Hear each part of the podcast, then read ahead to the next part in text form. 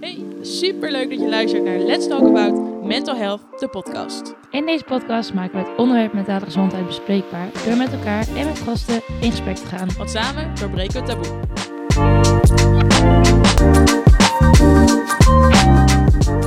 Goedemorgen, middag, avond of uh, wanneer jullie dit ook hebben aangetikt. Ja, super leuk dat je luistert weer naar een nieuwe podcast. Ja. Vandaag praten wij met Lotte. En Ja, wat leuk om te zeggen, want we zitten nu niet uh, in Nijmegen, maar we zitten heel erg anders, want we zitten in Amsterdam. Omdat Mooi, jij er bent. Ja. Superleuk. Ja, heel fijn. Ja. Fijn dat jullie erheen konden komen. Wil je eerst wat over, je, eh, over jezelf vertellen? Ja, dat is goed. Eh, nou, mijn naam is Lotte. eh, Lotte Brunninkhuis. Ik ben 35. eh, ik kom uit Amsterdam, wat je net al zei.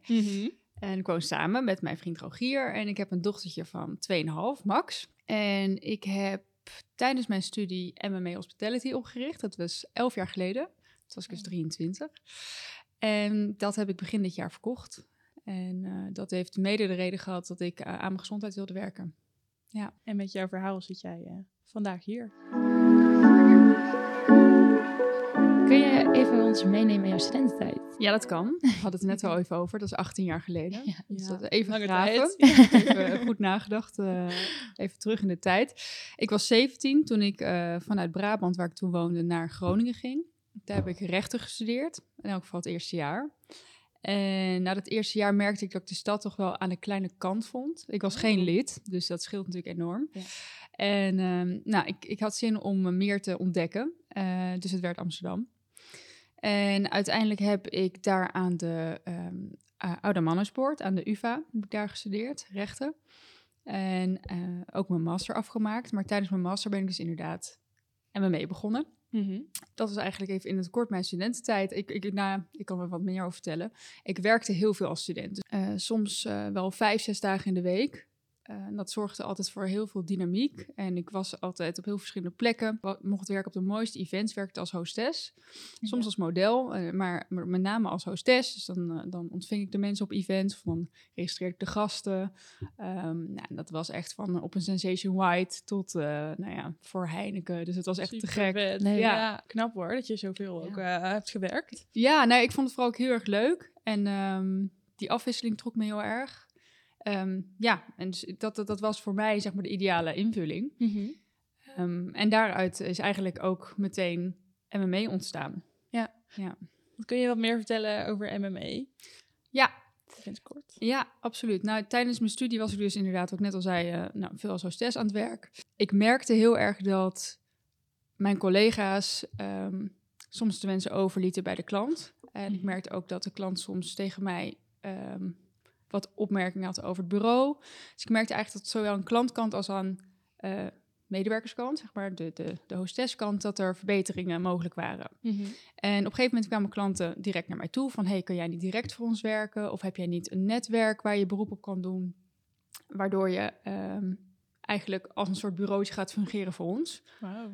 En op een gegeven moment toen ehm, ontmoette ik mijn compagnon... of tenminste inmiddels ex-compagnon, Marielle. Eh, die was ook eh, aan het werk als hostess. En zij was ook super ondernemend en we wilden heel graag samen wat gaan starten. Ja. En toen dachten we van, joh, maar waarom gaan we heel erg ehm, ver kijken als we gewoon dicht bij huis eigenlijk al de kennis al hebben. Ja. Ja. Eh, de schoenmaker blijft bij je leest. Ja. En toen zijn we, ja, toen zijn we onze eigen boutique uit zijn bureau gestart. Ja, dat Super was eh, knap. ja. ja. Want jullie, werken jullie ook bij hetzelfde bedrijf dan al Ja. voorheen? En ja, precies. Ja. Daar hebben we elkaar ontmoet. Ja. Eh, ik werkte ook voor verschillende opdrachtgevers, zoals ook andere bedrijven of andere bureaus eigenlijk. Mhm. Maar we hebben elkaar daar wel ontmoet. Maar goed, dat was dus allemaal tijdens jouw studententijd. Ja. Dat is best wel zwaar, denk ik. Nee. Nee? Nee. nee. nee dat, Oh. dat viel heel erg mee. Nou, kijk, het, eh, ik zeg heel makkelijk nee. Ehm, het was het vierde jaar voor mij. Marielle zat volgens mij nog in het tweede of derde jaar. Die studeerde ehm, International Business and Languages aan de, de HVA. Oh ja. Dus voor haar was het echt wel pittig, want nou ja, ik denk dat zij het tweede, derde jaar van MMA nog echt aan het studeren was. En ik was in de afrondende, nou ja, laatste half jaar van mijn master. Dus ik moest nog wel mijn masterscriptie schrijven. Maar ik had er wel het uitzicht op het afronden van mijn studie. ja. Maar, en ik zei, ik zei meteen nee, omdat ik dacht, nee, ik vond dat werk daarnaast eigenlijk altijd super leuk om te doen. En Mhm. het gaf me juist heel veel energie en, en dynamiek. En ja, en ook het opstarten van nieuwe onderneming gaf me ook heel veel energie. Maar Ja. het, was, het was ook wel gewoon beuken. Want we hadden allebei echt wel de mentaliteit van... oké, maar als we dit gaan doen... gaan we dit echt tot een rammend succes Ja. maken. Ja. Super fijn dat je ook allebei dan die mentaliteit Ja. hebt. Ja, Dat je elkaar ook hebt Ja. gevonden op die manier. Ja, ja. ja ergens geloof ik er wel in dat als je op een gegeven moment zo graag wat wil... want tijdens mijn studie is misschien ook wel goed om aanvullend nog te noemen... was ik wel altijd heel onrustig van... joh, wat ga ik in godsnaam doen na die rechtenstudie? Want die rechtenstudie was helemaal niet mijn ding. Mijn, mijn ouders die zeiden dat, nou, je moet een goede studie gaan doen. Weet je, dat was een beetje de traditie of een beetje het traditionele, de traditionele gedachte. Ja. Het was vaak economie of rechten als je een beetje alfa kant Mhm. op had, eh, had gekozen bij het VWO. Dus ik ging rechten doen, maar ja, ik, dat, ik was 17. Het, het- nou, ik had helemaal niet ehm, echt gevoel daarbij. Op een gegeven Nee. moment dan ga je gewoon natuurlijk je, je tentamens halen, et cetera. Dus ik heb er wel, wel echt wel veel van geleerd. Ik heb goed eh, eh, leren schrijven, analytisch leren denken. Ja. Dus echt niet voor niks geweest. Maar het was, eh, het was ja, echt wel omdat je een studie ging doen. Ja. Ja. ja. Had je nu een andere studie gekozen? Ik denk het wel, maar het was ook, je kan het bijna niet vergelijken. Het was een hele andere tijd toen. En tegenwoordig zijn er volgens mij ook heel veel andere studies beschikbaar. Mhm. Natuurlijk ook Ja. Tijden veranderen, dus eh, daar worden de studies ook op aangepast. Ja. Ik denk het wel, maar met de kennis van nu had ik het inderdaad wel, eh, Wel gedaan. had ik denk ik iets anders gekozen. Ja, maar goed, alsnog, wat je ook studeert, uiteindelijk ehm, zegt het helemaal niks over wat je later gaat doen. Nee. Uh, maar goed, ik heb dus wel best wel wat, uh, wat skills uh, daarop gedaan. Wat heel fijn was ook tijdens ondernemen. En uh, om even terug te komen inderdaad op dan elkaar zo ontmoet. Ik, ja, ik geloof altijd wel als je dan inderdaad er zo op focust... dat je dat ook de mensen aantrekt die dan bij jouw ambitie horen. En in Ja. dit geval sloot Marielle gewoon precies... of eigenlijk perfect aan op mijn vaardigheden... en andersom ik op haar Ja, vaardigheden. dus jullie vulden elkaar echt wel aan. Ja. ja. Ja, dat legal stuk was helemaal niet haar ding. Zij was veel commerciëler, heel erg marketing, sales. En ik was juist heel erg meer van oké, eh, nou, nou, dat noemen ze altijd een beetje het zakelijke stuk. Maar ja. ehm, de financiën bijvoorbeeld, cijfer, cijfermatig, gewoon heel sterk. Ik had al tijdens mijn studie mijn eenmanszaak opgericht... waar vandaan ik factureerde als hostess. Oh, ja. En op een gegeven moment dus ook Oh, voor ja, de anderen die ik uitzond. Ja. Ja, Dus jij wist er al echt wel het een en ander van ook. Wel eh, van de financiële Ja. kant. Ja. Ja. Ja, maar goed, Ja. eh, dat was een eenmanszaakje. En ik bedoel, op een gegeven moment ga je, dat zeg ik een beetje zo, eenmanszaakje, maar dat is een andere type vorm van ondernemen dan bijvoorbeeld eh, als je echt een onderneming gaat starten waar je mensen in dienst Ja, dat is heel iets anders natuurlijk. Ja, zeker. Ja. Ja. Ja. Ja, dat, op een gegeven moment waren we natuurlijk gewoon een BV, dus dan heb je een hele andere rechtsvorm met hele andere voorwaarden weer, maar het is een beetje technisch. Ja. Maar goed, het is fijn als je daar een beetje gevoel bij hebt. En ik had Ja. daar wel gevoel bij. En Marielle had heel veel gevoel, eh, want die komt uit een mega ondernemersfamilie Mhm. eh, bij juist dat sales- en marketingstuk. Ja. Dus het was eigenlijk, eh, ja, we, we heel, waren heel complementair. Ja, Heel bijzonder. ja, Ja. ja, absoluut. En tijdens jouw studententijd ehm, is het je altijd wel goed afgegaan? Omdat je het natuurlijk niet heel leuk vond dan, denk ik. Mm. Lijkt me wel lastig om het dan goed af te ronden. Hoe is dat gegaan? Ja, er zit denk ik echt wel een heel groot stuk wilskracht bij, of Mhm. doorzettingsvermogen. Ehm, ik heb wel altijd zoiets, als ik iets aan iets begin, maak ik het ook wel af. Dus het is niet helemaal, het ligt niet helemaal in mijn aard om halverwege te stoppen. Nee. Ik denk dat tegenwoordig wel vaak gebeurt. Mhm. Ehm, nou ja, goed, dat is, eh, daar heb ik verder geen mening over. Maar dat is voor mij, was dat op dat moment gewoon duidelijk van... ik ga die studie wel afmaken. Ja. En ehm, ja, er waren ook wel delen bij die ik interessant vond. Alleen ja, het totaalpakket was gewoon niet wat ik later ambieerde om te, Om te ja, doen. Om te doen, Ja. ja, precies. Dus ehm, ja, het was wel een beetje, een beetje moeten. En daarin ook wel gewoon verstand op nul... en gewoon proberen om alle tentamens te En doen. Ja. Ja. En je had het net over die onrust wat je eigenlijk de hele tijd had. Mhm. Is dat op een gegeven moment dan minder geworden tijdens de studie? Omdat je dan wel met MMA bent gestart? Of hoe verliep dat op een gegeven moment? Werd alleen maar meer. Oh, Ja. Ja. ja, ik denk als je eenmaal onrust hebt, is het ook nooit goed genoeg. Tenminste, dat, dat is in mijn geval zo. Ik kan natuurlijk alleen maar voor mezelf spreken, maar ehm, het was fijn dat ik een, zeg maar, een doel had op dat moment. Alleen, ja, dan wil je het ook tot een succes maken. Ja. Dus dan krijg je daar onrust over. Ja. En dan wil je ook, tenminste, in- in- ik was heel erg perfectionistisch. Alles wat in het bedrijf gebeurde moest een tien zijn. En van het contact met de klant, het contact met de medewerker, de website, de, eh, de uitstraling, dus eh, extern, maar ook intern. Alles moest gewoon vlekkeloos verlopen. En dan zeg ik dat moest, want dat, dat, die druk legde ik dan mezelf op. Ja. ja, daar krijg je natuurlijk ook enorm onrust van. ja. Mhm. Je, het voelt alsof je daar dan een soort, ja, dat, of dat, dat, als je dat nastreeft, dat je daar controle over hebt, maar dat geeft tegelijkertijd heel veel stress. Ja. Dus ehm, ja, die onrust die, die bleef. Ehm, en ja, voor een deel is dat heel fijn, want dat hadden we allebei. Zie, maar ja, het kan je op een gegeven moment ook opbreken. Ja, inderdaad. Ja. Dan is het voor je gevoel denk ik nooit goed genoeg. Nee, Nee. dat klopt. Maar kijk, in het begin ben je aan het rennen, ben je aan het bouwen. Ehm, we begonnen dus in 2011. Nou, vanaf 2013 hadden we een kantoor. Toen gingen we onze eerste medewerker aannemen. Als je dan weer vervolgens een tweede werknemer aan gaat nemen, een derde en een vierde, totdat we op een gegeven moment 16 man zaten. Ja, dan, Ja. dan ja, dat is een, een, een soort sneltrein. Mhm. Dus het is best wel snel. Ja, En hoe vond je het om eh, medewerkers te hebben? Eh, dat vond ik heel uitdagend, omdat het als ondernemer ben je niet, tenminste, er zijn natuurlijk wel opleidingen voor, maar je bent van tevoren niet voorbereid op wat er gaat komen. En eh, het stukje managen en aanvoelen wat mensen nodig hebben of wat een team nodig heeft, dat had eh, ik niet. Dat Mhm. had Marielle ook helemaal niet. Wij waren alleen maar bezig met rennen en met dat su- nou, succes inderdaad en het bouwen aan het bedrijf. En dan zie je dat eh, als vanuit een ondernemersperspectief. Dus je kijkt van oké, maar ja, je pakt gewoon nog die mail op om 7, 8 uur 's avonds. Of Ja. je, ja, dan skip je een keer die. Ja, het is echt. Ik denk nu zou ik dat anders doen, maar dan, Mhm. toen dacht ik dan skip je een keer die sportklas. Of, Mhm. maar ja, mensen die bij jou werken kijken daar heel anders naar. Ja. En eh, ja, ik vond dat wel heel uitdagend, omdat ook eh, het team op een gegeven moment bestond uit best wel allemaal jonge meiden met name. En die werden ook vriendinnen. En ehm, ja, als je zelf met zo'n laserfocus bezig bent aan het bouwen van je bedrijf en je hebt daar niet echt oog voor, want dat is echt hand in eigen boezem hoor. Dat is echt, we hadden er ook geen oog voor, dus dan verlies je ook letterlijk de connectie met je team. Ja.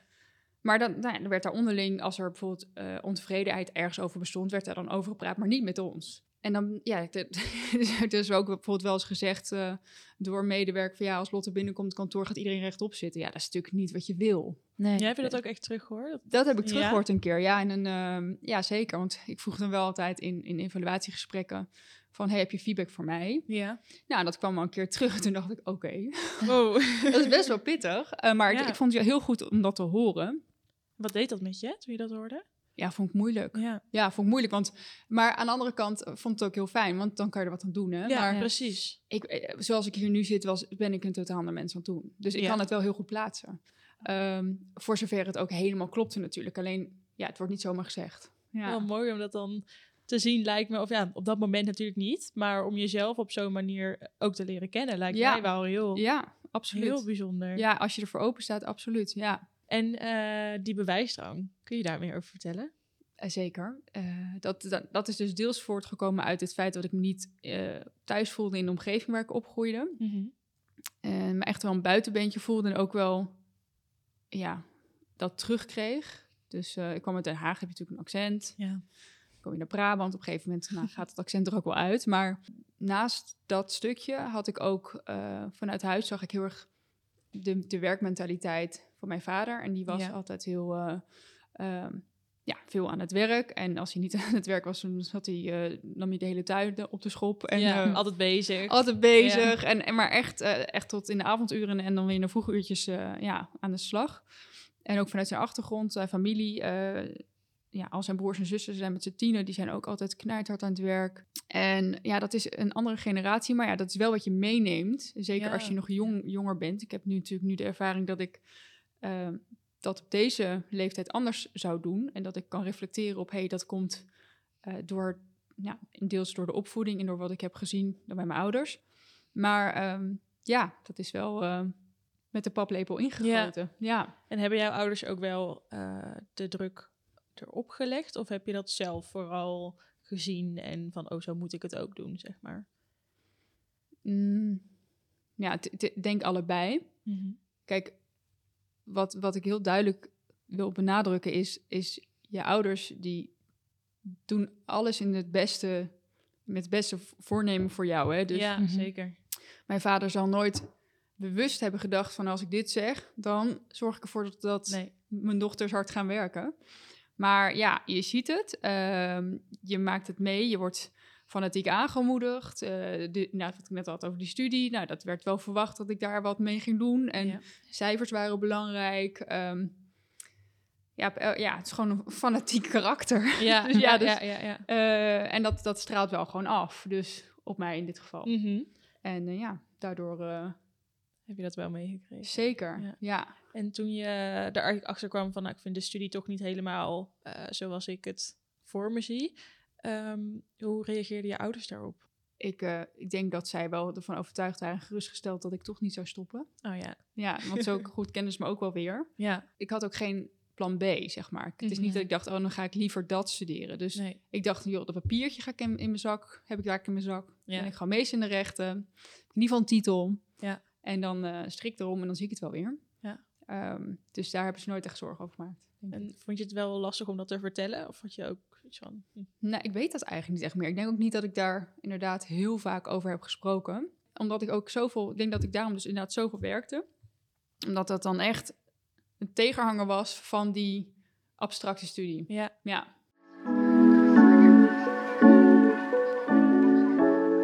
toen startte je op een gegeven moment eh, MME. Wat Ja. ehm, was er zo, of, of is er zo onderscheidend? Of wat wilden jullie... ja echt die kwaliteit. Ja, Ja, daar dus wilden jullie echt op richten. ja, dat sluit eigenlijk weer aan bij als ik iets doe, doe ik het goed. Eh, het, nadruk, het stukje, de nadruk op het stukje uiterlijk eh, hebben wij eigenlijk weggenomen. Het model zijn, want het was, Oh, op dat moment ja. was de term model. Maar ja, je stond te werken achter de bar of eh, in ontvangst als hostess. Dus dan ben je dus niet een Nee, model. Nee. Ja. Want het, het scheelt enorm of je de nadruk legt op iemands uiterlijk of op iemands werkmentaliteit. Ja. En wij selecteerden ook echt op frisse en hele representatieve jongens en meiden. Dus echt een, een, een, ja, een toevoeging aan je event. Dus dat hele stukje selectie eh, was voor ons heel belangrijk. En hoe zochten jullie zulke mensen?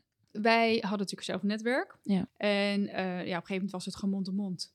Ja. Dan, en dan gaat het balletje rollen en is het, oh ja, en we hebben mee een nieuw bureau, we hebben gave klanten, want onze eerste klant was H&M. En eh, de tweede klant was Dani Bles, geloof ik. Nou, we kregen allemaal gave opdrachten ineens. Eh Beaumonde Awards, eh, ehm, allemaal meiden die daar als hostess mochten werken, werden ze allemaal mooi gesteld. Ja, dus en, en dat helpt natuurlijk enorm als jij voor Swarovski een, een, een lancering hebt van de oorbellen, een nieuwe collectie. Ja, daar willen mensen voor werken. Ja. Ja. Weet je, als Mercedes een nieuwe auto lanceert, dan willen mensen voor werken. En we hadden gewoon, omdat wij heel erg in die niche zaten, dus wij zaten heel erg ehm, eh, eh, met klanten in de lifestyle en de fashion branche en de eh, Mhm. corporate sector. Dus nou ja, gewoon super gave klanten. Ehm, dan, dan trekt dat ook Ja, tegelijkertijd ook de wel mensen aan die mensen. daarbij passen. Ja, Ja. Ja. Wel echt super gave merk ook, als je dat zo opnoemt. Ja. Denk, ja, Ja. iedereen kent het natuurlijk ook. Mhm. ja. En eerste klant H&M. Nou, ik Ja, denk dat veel mensen dat bizar. kunnen zeggen. Nee. ja, bizar is dat, hè? Ja. Ja, netwerk. heel Ja. gaaf. Ja. Ja.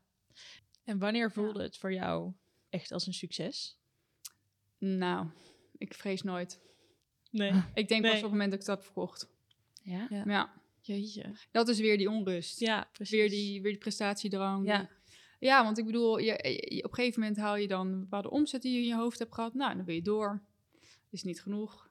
Tenminste, het is niet genoeg. Is een beetje, het is misschien iets te kort door de bocht. Mhm. Maar wat ik ermee bedoel is, dan wil je weer meer. Ja. Dus dan, eh wij proosten dan even heel kort misschien, weet je. Maar we stonden Mhm. eigenlijk nooit stil bij onze successen. En dan ging weer door. Zou je dat nu wel doen? Ja. Ja. 100 procent. ja, het is me ook heel vaak gezegd door coaches van... sta nou eens stil bij je succes. Ja. Maar ja, dat zat er gewoon niet in. Het was altijd maar onrust Doorgaan. over, ja, over wat er beter kon. Over, eh, nou ja, grotere events die we konden draaien. eh, gewoon meer, meer, meer. Ja. Ja, het is heel- eigenlijk echt heel ongezond. Mhm. Ja, als je Ja. er zo op terugkijkt. Ja. Ja. Ja, en wat was dan het eh, dieptepunt eigenlijk? Nou, het absolute dieptepunt was corona. Ja. natuurlijk. Ehm, dat was natuurlijk, dat is iets wat je niet kan zien aankomen. Tegelijkertijd ben ik ook wel heel trots op hoe we dat hebben afgehandeld. Ehm, het was heel moeilijk, want eh, ik was op dat moment hoogzwanger.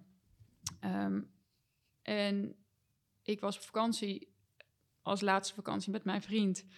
En toen nou ja, stonden de krantenkop letterlijk, waren zwart van de, nou ja, de coronapandemie. Ja. Die dreigde alles te, in ieder geval in onze branche, alles te gaan cancelen. Dus het was dan ook helemaal geen ontspannen vakantie, want ik was natuurlijk hartstikke gestrest. Ik, ik zag letterlijk mijn kind gewoon eh, onder me vandaan glijden. Waar ik best wel trots op ben, is dat ondanks dat het zo zwaar was, want we moesten op een gegeven moment, ben ik berekeningen gaan maken. Of eigenlijk, zodra ik terugkwam van vakantie, was het gewoon vol in de cijfers. Oké, hoe lang hebben we nog? Niks is zo vervelend en verdrietig. En eigenlijk is dat nog een understatement dan dat je bijna je hele team eh gedag moet zeggen Mhm. gedwongen. En toen zagen we inderdaad al snel van oké, maar dit gaan we niet, gewoon niet lang volhouden. Ook niet met die goede buffer op de bank. Mhm. Ehm, dus ja, dat was, dat was super pittig. En eh, ja, dat is natuurlijk een absoluut dieptepunt. Want je hebt gewoon Ja. je kind. We zagen het als ons kind natuurlijk. Even kijken, nou, wat was het? eh, 2 220? Nou, eh, acht, negen jaar helemaal opgebouwd, bloed, zweet en tranen. Ja, Ja. En binnen Ja. een maand zie je het onder je vandaan uh, bizar. Ja. Door Ja. iets zo onvoorspelbaars Ja. ook. En waar je gewoon niks aan ja, doen. Nee, aan kunt buiten je, buiten je om. Nee. Ja, het is echt eh, Ja. ja. Ja, met MMA ging het toen natuurlijk iets slechter. maar Hoe ging het toen met jouzelf? slecht. Ja. slecht, want ik had ook een hele heftige bevalling gehad. Eh, mijn kind was eigenlijk, eh, ehm, ik denk ook mede door de stress hoor.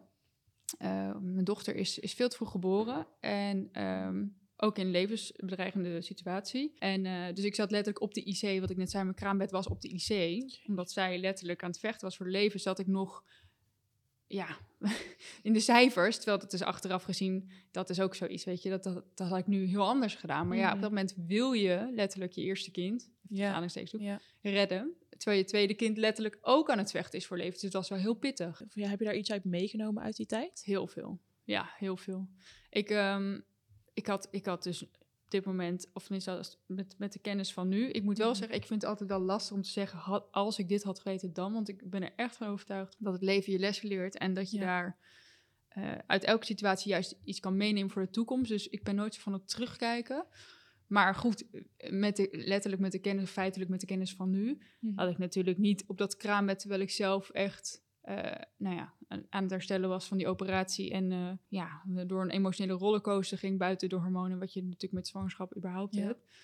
Had ik niet mijn laptop lopen openklappen. Nee, dat sloeg natuurlijk helemaal nergens op. Nee, bizarre les ook. Ja. Ja. jammer dat het, dat het nodig, of nodig was, maar dat het eh, jou is overgekomen. Ja. Nou ja, blijkbaar is het dan inderdaad nodig. Ja. Dat zie ik wel echt zo hoor. Ja, Dus ja, kijk ik er denk, wel zo op terug? Ja, laat, nou ja, laat, ik, ik probeer dat altijd wel positief te bekijken van ehm, waarom, waarom is het gegaan zoals het gegaan? En dan Mhm. niet zo van waarom is het mij overkomen? Ja. Eh, in de zin van Mhm. slachtofferrol, maar juist van oké, eh, wat kan ik hier dus mee, mee doen voor de toekomst? Wat Ja, kan ik hier, hiervan leren? Ja. Ja, absoluut. Ja. Wel mooi als je er zo naar kunt kijken. ja, mooie gedachte. Ik denk dat dat, ja, dat is voor mij in ieder geval hoe ik naar elke uitdaging van het leven kijk. En eh, ook voor de studenten die luisteren, als je, als je te maken krijgt met eh, een emotie die je niet prettig vindt, of nou, dat is dan de lichtste vorm van een mentale uitdaging, maar een burn-out of eh, dat je je overprikkeld voelt, kijk wat het je wil vertellen. Dat is denk ik heel belangrijk. Van, het gebeurt met een reden. Anders Ja. had je de burn-out niet. Je krijgt niet een burn-out omdat, het,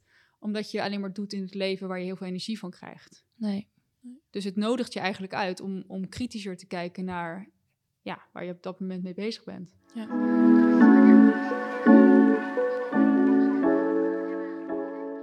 We zagen ook op je Instagram dat je lichamelijke klachten eh, kreeg op een gegeven moment tijdens MMA. Kun je Ja. daar meer over vertellen? Ehm, in 2015 begon ik neurologische klachten te ontwikkelen. En neurologische klachten, dat moet je zien als klachten vanuit je zenuwstelsel.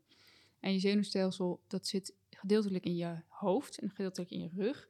En is eigenlijk verantwoordelijk voor, het aans- voor, de, voor de gevoelstoornissen of gevoelens eh, die je ervaart in je, in je, in je lijf. Of de tast die je bijvoorbeeld voelt als je een beker vastpakt. Of, ehm, ja, en je motorische bewegingen. Dus Mhm. als je loopt of eh, eh, als, je, nou ja, als je knielt of nou ja, je hoofd buigt.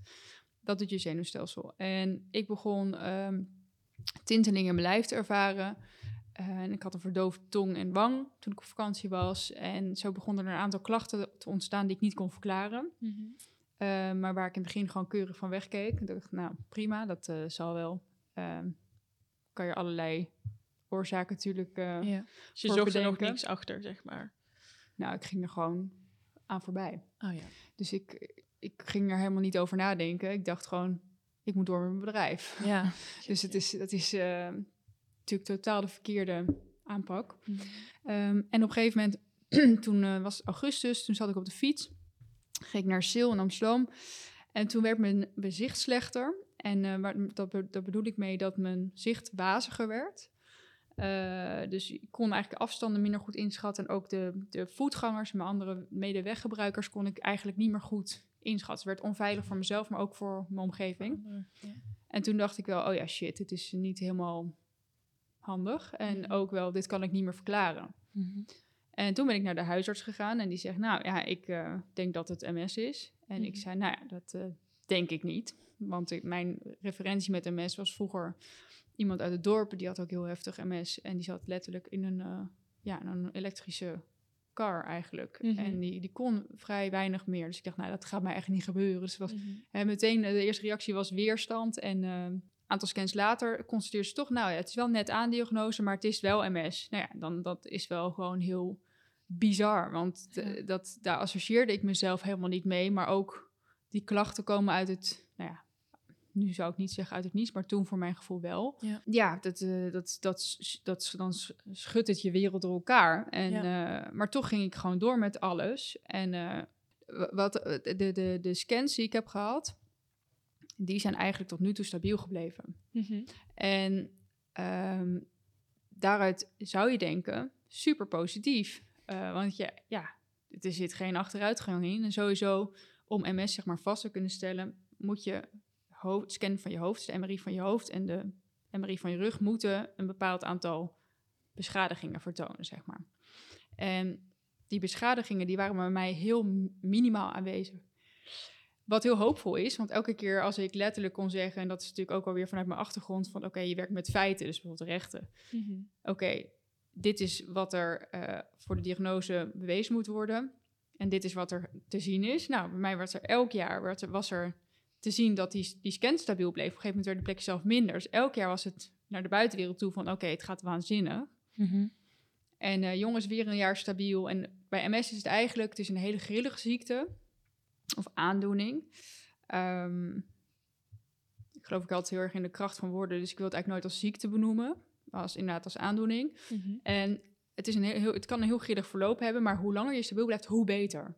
En ik ben dus nu al, even kijken, 2015, nou, het is bijna 2023, 7,5 jaar stabiel. En dat is echt heel lang. Maar mijn klachten gingen progressief achteruit.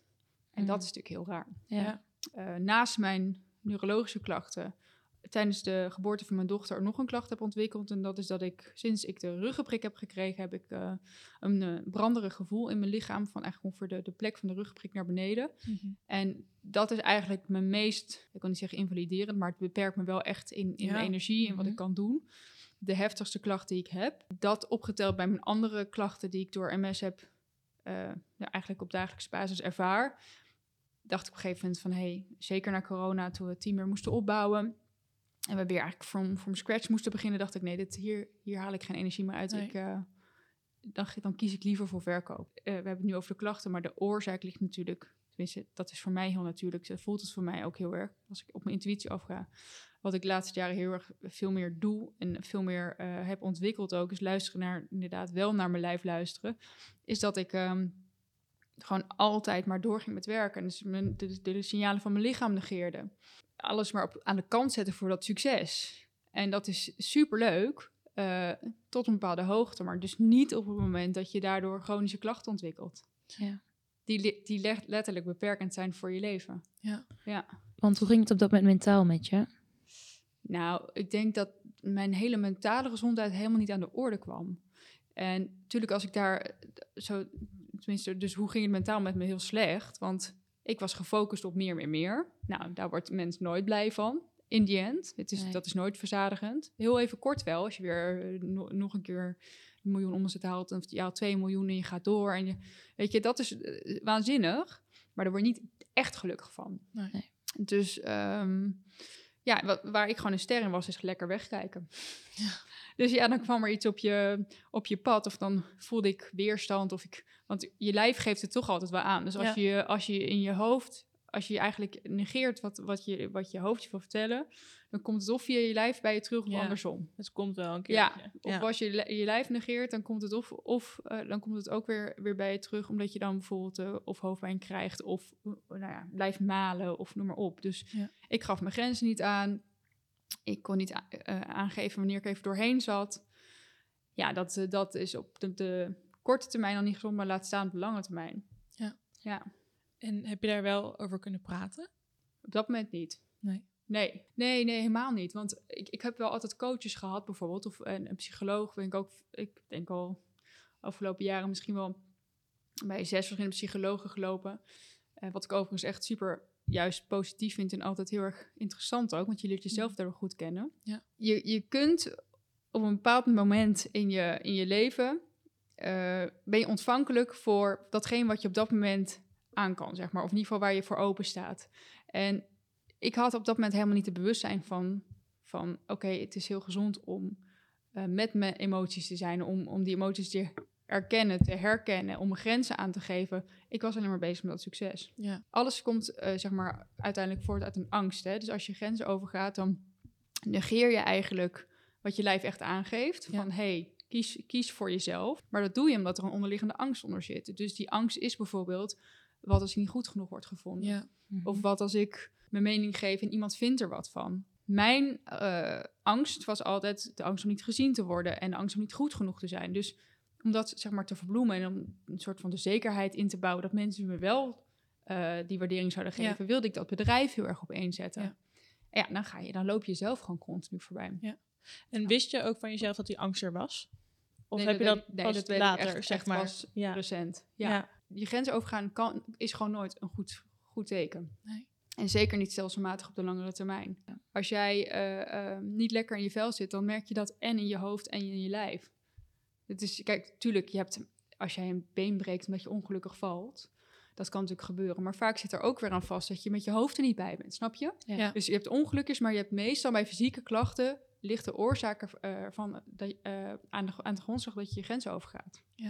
En hoe gaat het nu met je? Hoe gaat het nu met me? Ehm, ja, een beetje op en af. Ehm, ik vind het echt een enorme luxe dat ik, dat ik nu de tijd kan nemen om, eh, om aan mezelf te werken. Ja. Eh, ik heb in principe gezegd van... hé, hey, ik wil gewoon in ieder geval het eerste jaar... wil ik eh, aan mijn gezondheid besteden. Ehm, het ligt een beetje aan de intensiteit van mijn klachten... hoe hoe ik de dag ervaar, zeg maar. Dus Mhm. die brandigheid is voor mij echt wel eh, heel intens. De keuze om nu voor mezelf te kiezen voelt als, als de juiste... maar ik heb wel regelmatig dat ik denk... oké, maar wat ben ik eigenlijk aan het doen? Weet je, let's go. Eh, Ja. to- Toch die onrust. Maar ja, die klachten die, die zijn voor mij nu dusdanig eh, belangrijk om eerst te verminderen en op te lossen. Ehm, voordat ik echt mezelf weer richt op een, op een volgende stap. Ik heb echt van alles geprobeerd eh, om eh, klachten te verminderen al. Ehm, maar ik geloof nog steeds dat er heel erg een oplossing zit in het verwerken van bepaald eh, trauma uit het verleden. Dus Mhm, bijvoorbeeld die, mhm. die bevalling van mijn dochter, daar is dus één klacht ontstaan. Ik geloof heel erg dat daar verbetering in te behalen valt door middel van ja, bepaalde behandelingen die ik nog niet heb geprobeerd. En praat je er nu ook eerder over? Ja, veel eerder. En, en waarom? Eh, omdat ik dus inderdaad ook door die coach heel erg leerde van eh, om het te benoemen. En wat je dan doet, is dan op het moment dat je bijvoorbeeld een, een, een gedachte krijgt waar die opmerkt als negatief. Want ik bedoel, nou ja, in principe, eh, je kan het als negatief bestempelen, maar je bent gewoon mens, dus je ervaart Ja. verschillende emoties. Stel je krijgt bijvoorbeeld een angstige gedachte. Wat ik dan doe, is dat ik denk, oh, goed dat ik het zie. Dat is het enige. Ja. Goed dat ik het zie. En dan, daarmee isoleer je die gedachten en dat voorkomt dat je daardoor in een soort van negatieve maalstroom komt. Ik denk dat we overgaan naar de kaartjes. Dat is ook een goeie. Want we hebben ons eigen praatkaartjes ontwikkeld. eh, met een, eh, een setje met allemaal vragen erop om het eh, gesprek aan te gaan op een luchtige manier. Over mentale gezondheid. Ja. En eh, daar gaan wij een kaartje van trekken. En dan eh, mag jij eh, kort maar krachtig antwoorden. Ehm, waar ben jij dankbaar voor vandaag? Dat ik hier zit. Ja. Ja, nee, ik vind het heel leuk. Ja, ik, en ook wat, waar we het eerder ook over hadden. Ja, ik, ik vind het bijzonder dat door het delen van een kwetsbaar verhaal... en van je persoonlijke verhaal... je eigenlijk voor verbinding zorgt. En dat je Ja. hopelijk anderen daarmee kan helpen. Mhm. dat is, dat is het doel. En eh, dat, dat je dat dan, ja, dat je van iets eh, wat, wat, mm, nou ja, een uitdagende ervaring is, iets positiefs kan maken, dat vind ik wel bijzonder. Ja. ja dat jullie dit doen. Nou, Ja. jij hier wil Ja. zitten. Ja, ik is zeggen. echt Ja. super lief. Ja, nee, dat je zeker. je verhaal wil delen. Dat is natuurlijk ook eh, voor jou echt wel een hele moedige eh, Ja, stap. Want nou, je het gaat wel ma- steeds makkelijker Ja. ook. Ja, ik vind het echt belangrijk. Ik merk inderdaad, eh door, doordat je je verhaal dus deelt en er zoveel mensen zijn die er behoefte aan hebben. Mhm. Ja, dus, dus laten we elkaar daarin helpen. Door naar de volgende? Ja. Wanneer voel jij je echt gelukkig? Eh goeie. Nou, ik denk eh, toch wel als ik met mijn dochter eh, echt in het moment zit, zeg maar. Als ik haar zie spelen of ja, gewoon lekker gek zie dansen of Ja. zo. Of van die hele blije geluiden hoort maken. Ja, daar word ik echt heel blij van. Dan word ik echt eh, intens gelukkig. Dan heb je ook echt niks meer nodig. Zo mooi dat je dat zegt. Ja, ik vind het ook wel een hele Ja. mooie. Ja, vooral omdat je zegt van met het bedrijf, je wil ook steeds meer. Terwijl je eigenlijk echt gelukkig wordt Ja, van de kleine dingen. Ja. Ja. Ja. Ja. nee, absoluut. Daar hangt echt geen prijskaartje aan. Is gewoon... Één ding, eh, wat geef jij de luisteraars mee Ja, ehm, over mentale gezondheid? over mentale gezondheid. Nou ja, neem jezelf serieus en leer jezelf kennen. Neem de tijd om jezelf te leren kennen. En om ook eh, dichter bij jezelf te komen staan en te snappen waarom je bepaalde reacties hebt of gevoelens hebt. Ik denk dat het heel krachtig is als je al gaat ehm, opmerken van hey, wanneer eh, merk ik dat, dat ik iets prettig vind of niet? En waarom vind ik dat dan prettig of niet? En, en durf ik vervolgens ook dat aan te geven of niet? Ik denk dat grenzen aangeven heel belangrijk is. Ehm, want ik noemde het eerder al, als je niet je grenzen aangeeft, dan wijs je jezelf eigenlijk af. Ja. Dus ja, leer jezelf erin heel goed kennen. En, en ja, erken en herken en benoem je grenzen op een gegeven moment. Ik denk dat dat een mooi is om af te sluiten. Dat eh, denk ik ook. Ja, heel Super erg bedankt. bedankt. Ja, Graag dat je je gedaan. verhaal wilde delen. Graag gedaan. Ik denk eh, dat de luisteraars dit echt wel een heel eh, bijzonder en eh, ja, sowieso, het is een heel kwetsbaar verhaal wat je hier eh, hebt verteld. Dat je je zo kwetsbaar hebt opgesteld. Ja. Ja, nee, heel graag Knap gedaan. ook. Ja. Bedankt voor heel erg tijd. bedankt. Ja. Nou, jullie bedankt voor de uitnodiging. graag gedaan. Wil je meer zien en weten over mentale gezondheid? Volg ons dan op social media. Let's Talk AM Health. Daar houden we je op de hoogte over onze nieuwe podcast en geven je handige tips. En wil je zelf je verhaal delen in de podcast? Of heb je een passend onderwerp waar we het over moeten hebben in de podcast? Stuur ons dan vooral een berichtje. Ja, bedankt voor het luisteren en ehm, geniet van je dag. Ja. Doei. Doei!